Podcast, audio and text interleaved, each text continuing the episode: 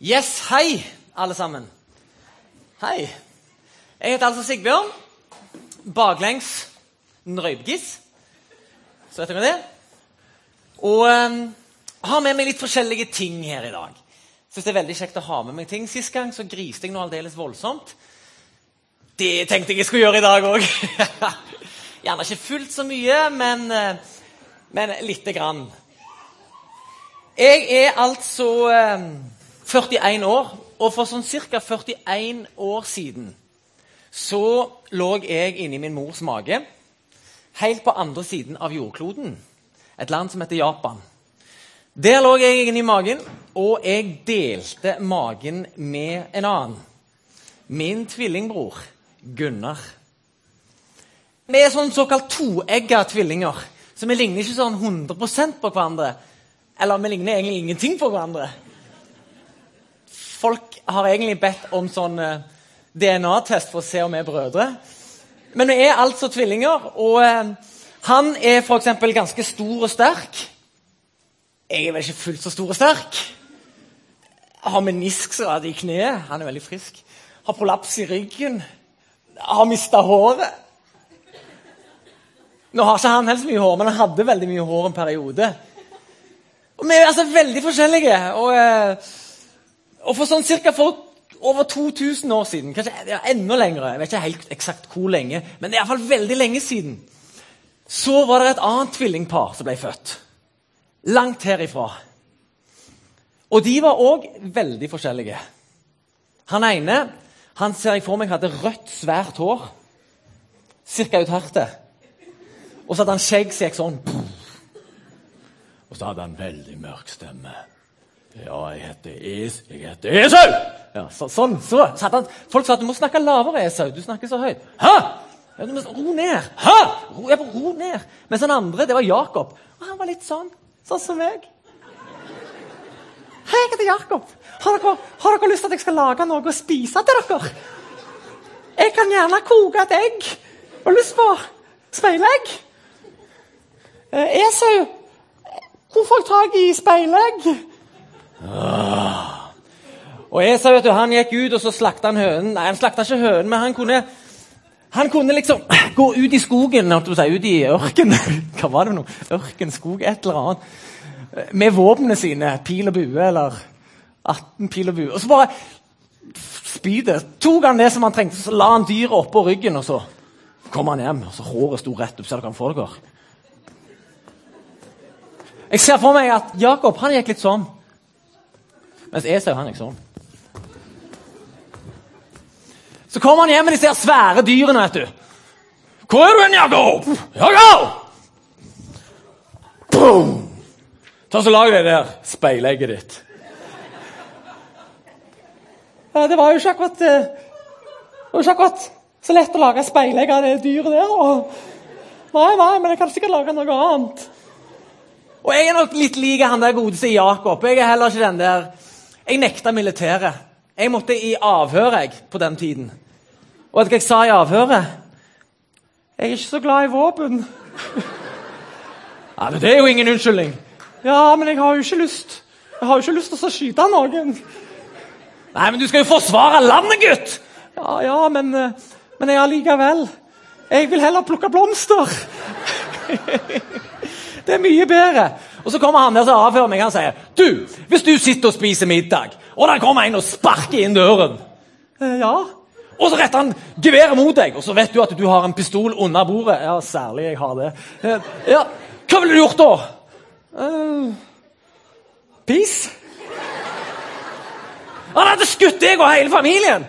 Å oh, ja. ja. Nei, men jeg, ja, ok. Så han var sånn usaklig. Men jeg måtte på en plass som heter Hustad leir i seks uker. Og vet du hva jeg lærte der? Hvordan jeg skal nekte militæret. Kjempebra. Hustad leir var veldig bra, men ikke så bra. Uansett, jeg var sånn som Jakob. Litt sånn eh, peace and love, militærnekter og eh, ville ikke ha våpen. Det nærmeste jeg kom med, kom med våpen, det må i tilfelle være dette her. Ja, hva er det? Noen sier er det en bazooka du har.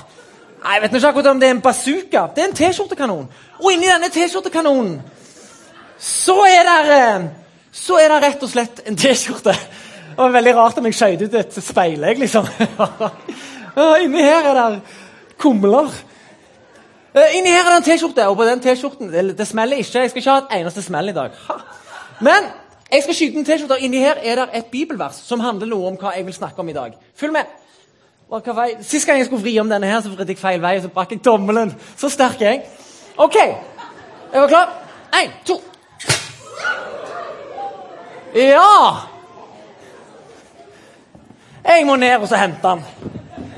Springer jeg sånn som Esau? Takk, takk, takk skal du ha!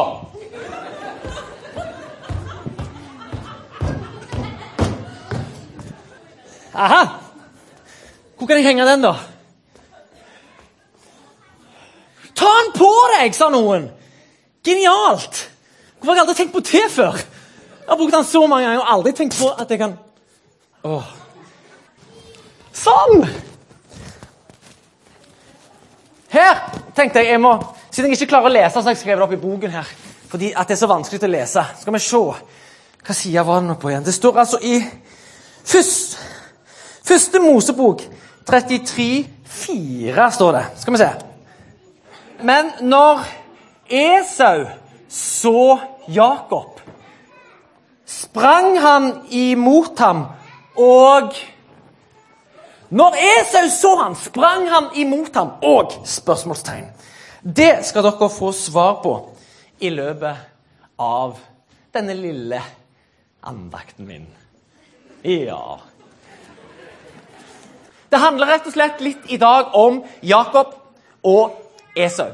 Esau var som jeg har sagt nå, førstefødt. Det står i Bibelen at Jakob hang fast i hælen til Esau. Allerede da var han liksom Jeg vil ikke være, jeg vil ikke være sist ut! Så ble han allikevel eh, sist ut. Og vet du hva? I Japan, når jeg ble født sist, det har ingen verdens ting å si, egentlig.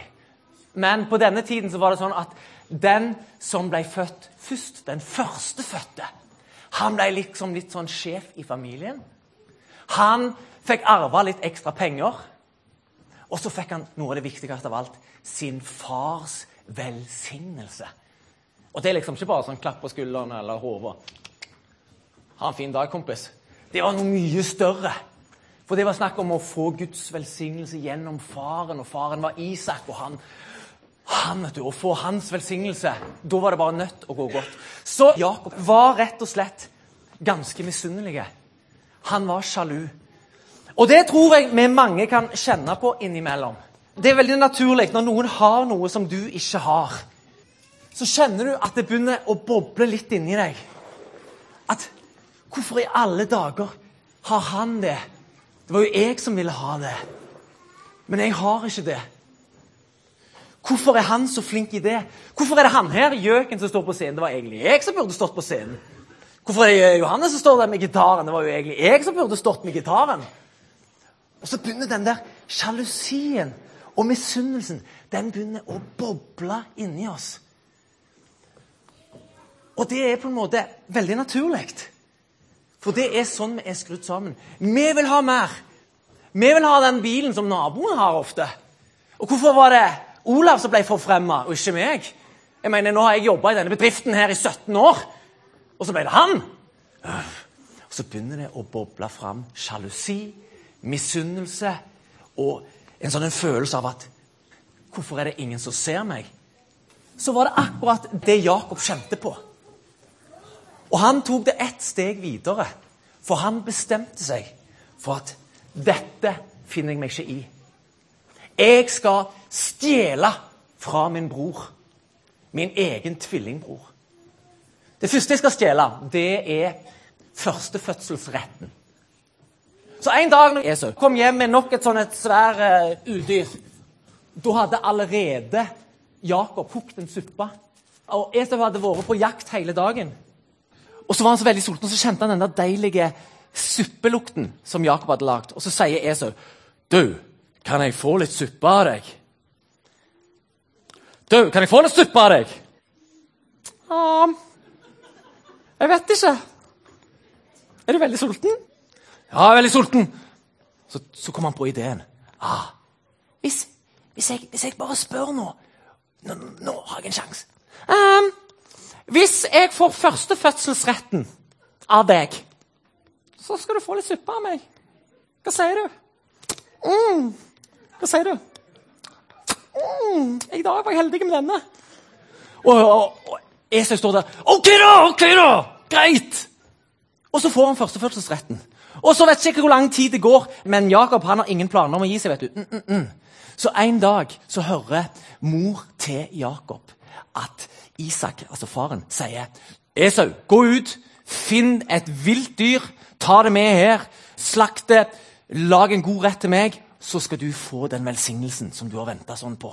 For nå er jeg gammel og klarer nesten ikke å se noen ting lenger, sa Isak. Esau fyker av gårde. Og så hører altså moren dette her og sier, 'Jakob, kom her! Kom her! Skynd deg! Nå, nå, nå, nå, nå, nå, Dette har vi snakket om før. Nå, nå er sjansen din.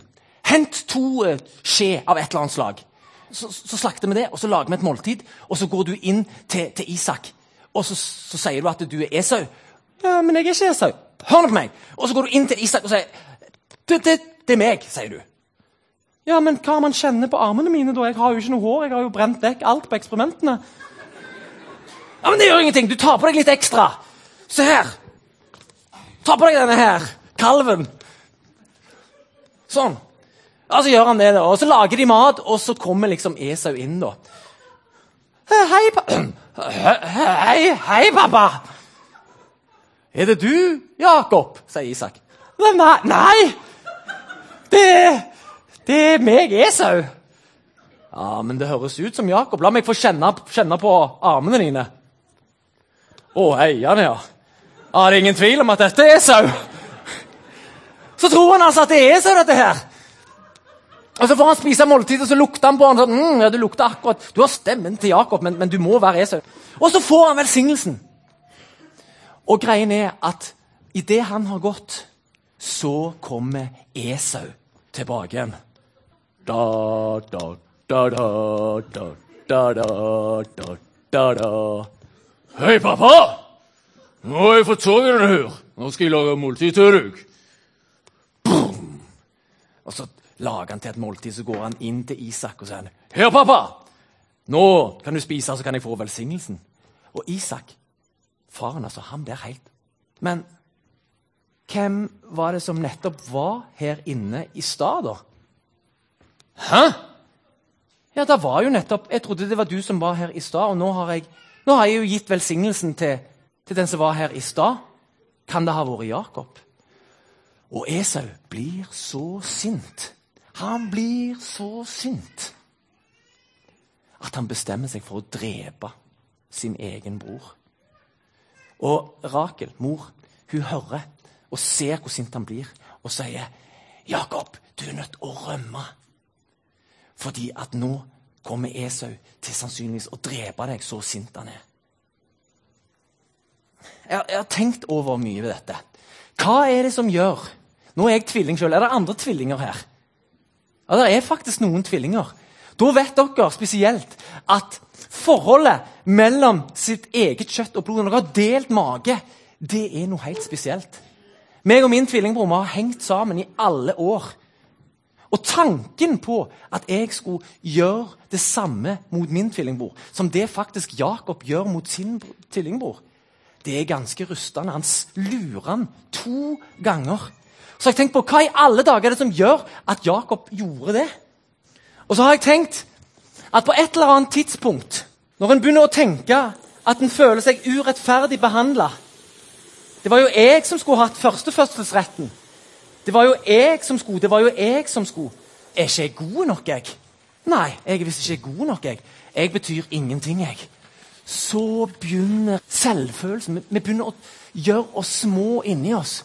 Og jeg tror at godeste Jakob han følte seg mindre og mindre verdsatt. Han tenkte at 'jeg kan jo ikke være verdt noen ting'. Ingen liker meg. Jeg er stygg. Jeg er tynn. Jeg har jo ikke hår engang. Jeg klarer ingenting. Jeg er i hvert fall ikke pen. Og Gud han kan vel umulig bry seg om meg. Og Gud må egentlig bare ha gitt meg opp. Og jo mer du fòrer deg sjøl med sånne tanker om at mine foreldre er mer glad i min tvillingbror enn meg Og det skjønner jeg. Jeg er jo ikke noe, ikke visst være glad i meg. så skjer det noe inni oss som rett og slett gjør at vi er i stand til å ta sånne valg som Jakob gjorde. Og lure sin egen tvillingbror på den måten. Og til slutt så har en nesten ingenting igjen av verdighet. Men så står det i Bibelen at Gud sier til oss at 'jeg kjente deg allerede mens du var i mors mage'. For du ble skapt i mitt bilde. Til og med hvert eneste hårstrå på din kropp kjenner jeg. Du er skapt i mitt bilde. Jeg vil aldri slutte å gjøre godt mot deg. Jeg elsker deg med en evig kjærlighet. Og jeg fryder meg over deg som på en solskinnsdag. Det er sånn Gud hadde skapt oss. Men så begynner vi å fortelle oss sjøl løgntanker, og så krymper vi inni oss. Og det var akkurat det som hadde skjedd med Jakob. Jakob han flykter. Han er nødt til det. Og han flykter til sin onkel Laban. Og Nå skal vi se en bitte liten videosnutt om hvordan det var for Jakob hos Laban. Jakob begynte å jobbe på gården til onkel Laban. Laban hadde òg ei fantastisk flotte unge datter. Hver gang Jakob så henne, så skalv han av begeistring. En dag kom Laban til Jakob og sa Du jobber og strever her på gården min, og du kan ikke gjøre det her gratis, selv om vi er i slekt. Hva vil du ha i lønn? Uh, jeg har blitt veldig glad i Rakel, så Kanskje hvis jeg jobber for deg i sju år, så kan jeg få henne til kone? Ja, det var en god idé, sa Laban. Det er mye bedre at jeg gir henne til deg, enn at jeg gir henne til en fremmed mann. Glimrende! Da har vi en deal. Og Jakob, han jobba. Og mens han jobba, så ba han til Gud. Og han jobba. Og han ba og ba.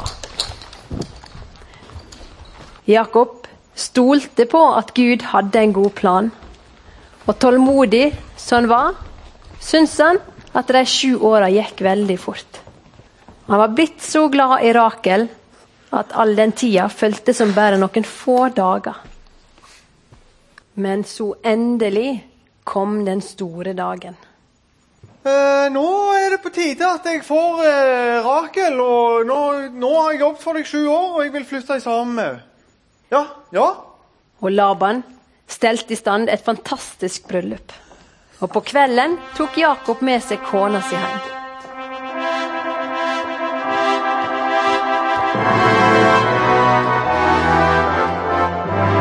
Men på morgenen så han at det var Lea, søstera til Rakel, han hadde gifta seg med. Og han var veldig misfornøyd. Og han gikk til Laban og klaga og sa hva er det du har gjort? Jeg har jobbet for deg i sju år, så skulle jeg få Rakel, og så har jeg fått Lea i stedet for. Jeg skulle ikke ha den gamle søster, jeg skulle ha Rakel. Men Laban sa, det er ikke vanlig her hos oss å gi vekk den yngste før den eldste. Men bare vent litt til. Litt så, til? Så skal du få Rakel òg. Det er greit. Jeg skal jobbe litt til. Bare jeg får Rakel, så skal jeg jobbe i sju år til, jeg. Og da det hadde gått litt til, fikk Jakob Rakel til kone. Og sjøl om det oppsto hindringer underveis, gikk det akkurat slik Jakob hadde bedt om og håpet på.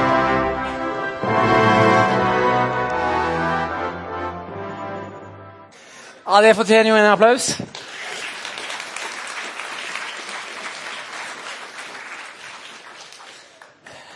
Som sagt, etter disse her 20 årene der Jakob var der, så tenkte han til slutt at nå er det dags for at jeg må komme meg hjem.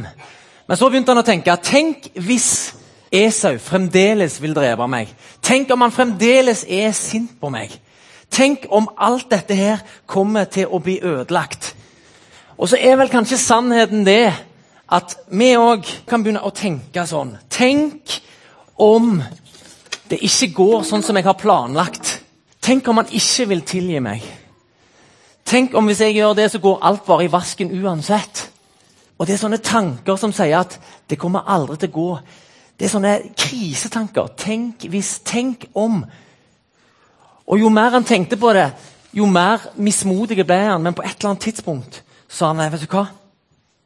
Jeg vil ikke tenke sånn. Og jeg tror jeg har kjent flere ganger i mitt liv at når jeg må gå utfor denne såkalte komfortsonen, så lager jeg unnskyldninger for meg sjøl. Jeg, jeg tror ikke jeg skal gjøre det allikevel. For uh, det passer sikkert ikke at jeg kommer på besøk. Tenk om han ikke er hjemme. Eller tenk hvis, og tenk om. Og så blir det til at jeg gjør ingenting av de tingene som jeg kjente at jeg skulle ha gjort. Men istedenfor så kan en begynne å tenke tanker som på en måte går litt oppover, istedenfor tankene som går nedover. Og jo mer en tenker at ting kan gå, jo mer kan det faktisk være at det kommer til å gå. Men Jakob visste hele veien at dette her kunne være det ikke gikk så godt. Men poenget mitt er at selv om ting ikke blir sånn som du hadde planlagt, så gir du ikke opp. Esau Det var jo lenge siden dette hadde skjedd med Esau, og Jakob visste ikke hvordan Esau tenkte. Og så bestemmer han seg for nå drar jeg. Så tar han med seg sine to koner, og så drar han den lange veien. Plutselig så får han høre Esau er på vei mot deg, og han har med seg 400 mann. Jakob tenker at shit, nå kommer han gjerne og skal drepe meg. Men så ser han at Esau kommer langt der borte. Og så står det Men Esau sprang mot ham og kastet seg rundt halsen på ham omfavnet ham og kysset ham. Og begge gråt, står det. Esau var ikke sint lenger. Han var bare glad for at endelig så hadde broren kommet tilbake igjen. Og Den historien minner veldig om historien om den bortkomne sønn, som er et bilde på Jesus. At uansett hva du mener du har gjort, så står Jesus der med åpne armer og sier at du kan alltid få komme til meg. Det er ingenting du kan gjøre som vil gjøre at jeg slutter og er glad i deg. Uansett. Så det er historien om Jakob og Esau. Skal vi be til slutt. Takk, Jesus, for at du alltid er glad i oss. Takk at du, eh, du alltid sier 'kom til meg', og så vil jeg ta imot deg. Nå ber jeg Jesus at uansett hvordan vi føler oss innvendig, hva vi tenker og hvor mye verd vi føler oss, så må vi se opp på deg og tenke at vi er gode nok. Vi kan aldri, aldri gjøre noe som gjør at vi ikke er gode nok for deg. Amen.